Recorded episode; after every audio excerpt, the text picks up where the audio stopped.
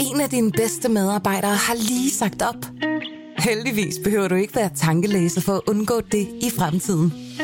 WinningTemp indsamler data gennem hyppige og anonyme medarbejderundersøgelser, så du lettere kan mærke pulsen på dine medarbejdere og støtte der, hvor der er behov. Kunder som Alfa Laval, Orkla og Volvo bruger allerede WinningTemp og ser, at det øger trivsel, reducerer turnover og hjælper med at fastholde talenter. Få gratis gennemgang allerede i dag på winningtemp.com. Velkommen til Morgenposten. Berlingskes nyhedsoverblik. Vil du have gjort rent og i bad inden fødselsdagsgæsterne kommer?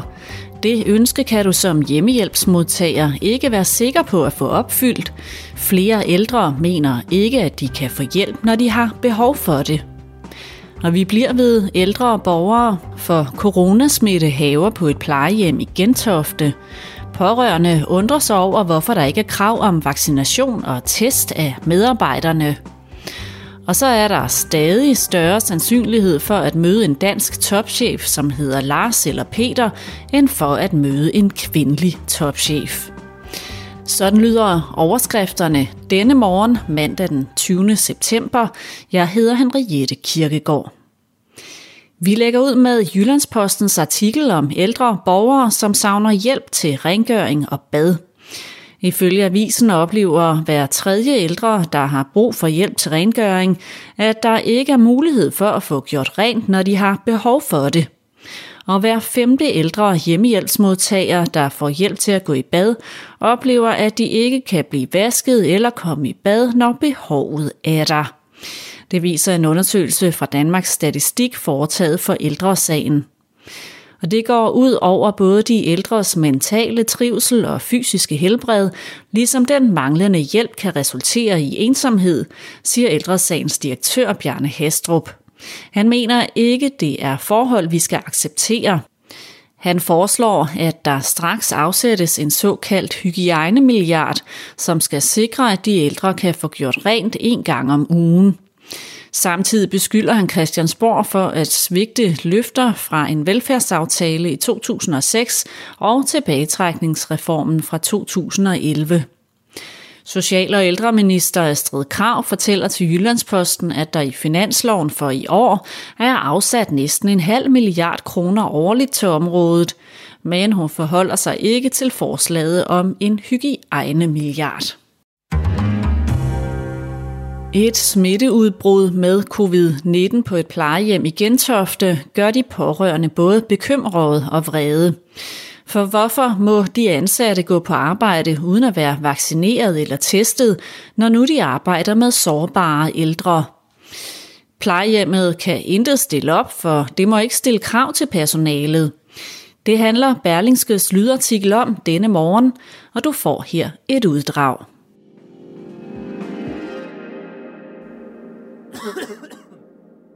Da Helle de Lichtenbergs mor blev tilbudt tredje stik med en coronavaccine, var det allerede for sent. Moren, der bor på plejehjemmet Lindely i Gentofte, blev smittet med covid-19 i sidste uge, da plejehjemmet kæmpede med et smitteudbrud blandt både beboere og medarbejdere. Den 6. september startede udbruddet med en smittet medarbejder og en smittet beboer.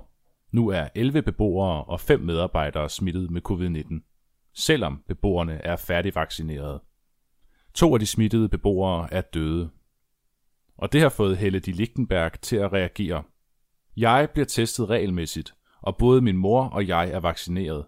Men det nytter jo ikke noget, når medarbejderne og vikarerne render rundt mellem beboerne uden hverken at blive vaccineret eller blive testet regelmæssigt, siger hun. Sundhedsstyrelsens anbefaling lige nu er en ugentlig PCR-test af medarbejdere, som er færdigvaccineret eller tidligere smittet og to ugentlige PCR-test af medarbejdere, som ikke er færdigvaccinerede eller tidligere smittet.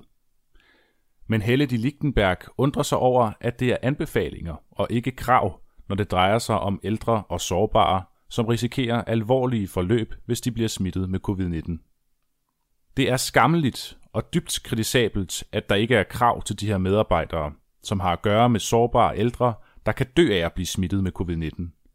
Hvorfor kræver man ikke et coronapas af medarbejderne, som da vi andre skulle gå på restaurant eller andre ting, siger hun. Janette Blom, der er kommunikationschef hos St. Lukas Stiftelsen, som Lindely er en del af, bekræfter smitteudbruddet. Vi har stort fokus på at skabe tryghed for beboerne og de pårørende. Vi er i dialog med kommunen, Sundhedsstyrelsen og Styrelsen for Patientsikkerhed for at sikre, at vi følger deres anvisninger nøje, og vi bestræber os på at informere alle så hurtigt og godt som muligt, skriver Janette Blom i en e-mail til Berlingske. Og selvom hun ikke kender smittekilden til udbruddet, erkender hun også problemstillingen med medarbejdere, der hverken er vaccineret eller testet.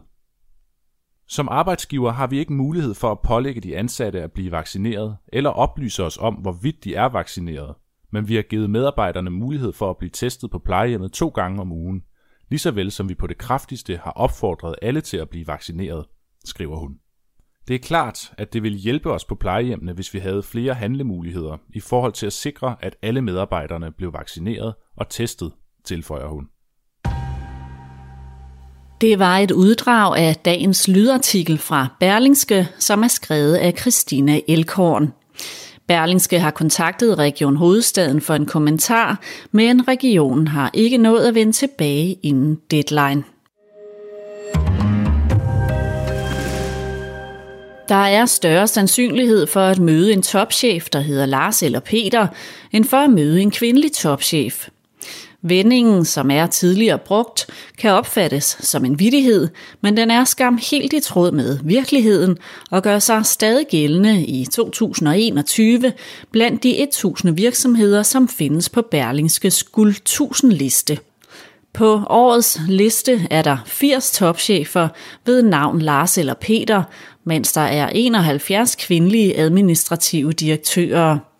Det er to mere end sidste år, men fire færre end i 2019. Samtidig er der også få kvindelige mellemledere at spotte.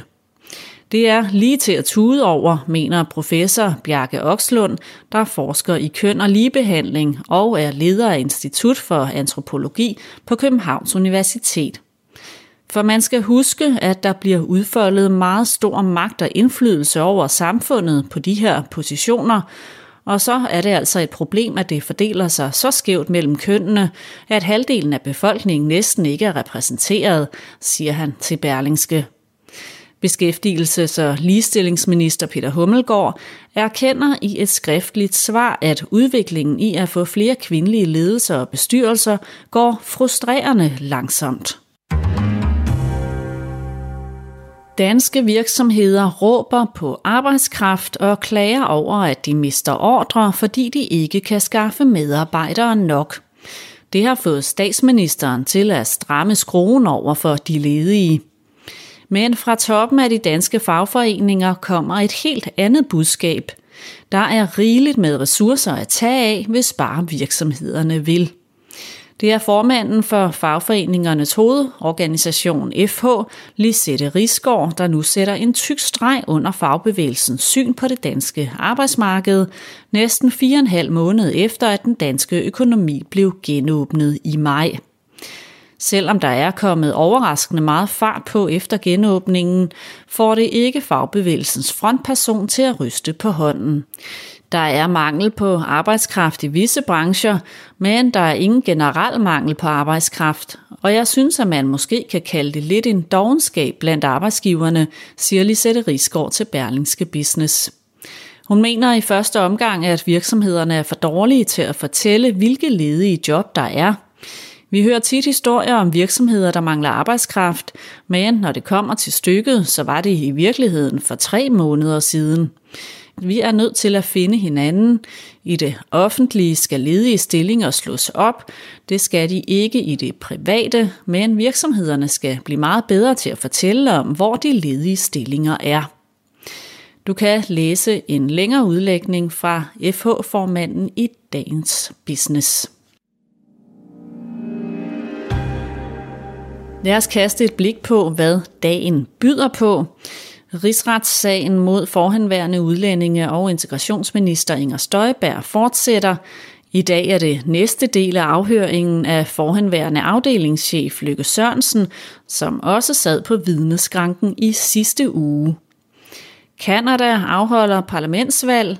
Ifølge Ritzau har den nuværende premierminister Justin Trudeau udskrevet valg i utide for at sikre sig opbakning til sin regeringspolitik under coronapandemien. Så er vi et morgenposten for nu. Vi er naturligvis tilbage igen i morgen kl. 6.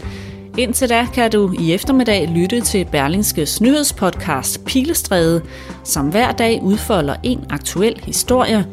Ha' en god dag. Tak fordi du lyttede med. En af dine bedste medarbejdere har lige sagt op. Heldigvis behøver du ikke være tankelæser for at undgå det i fremtiden. WinningTemp indsamler data gennem hyppige og anonyme medarbejderundersøgelser, så du lettere kan mærke pulsen på dine medarbejdere og støtte der, hvor der er behov. Kunder som Alfa Laval, Orkla og Volvo bruger allerede WinningTemp og ser, at det øger trivsel, reducerer turnover og hjælper med at fastholde talenter. Få gratis gennemgang allerede i dag på winningtemp.com.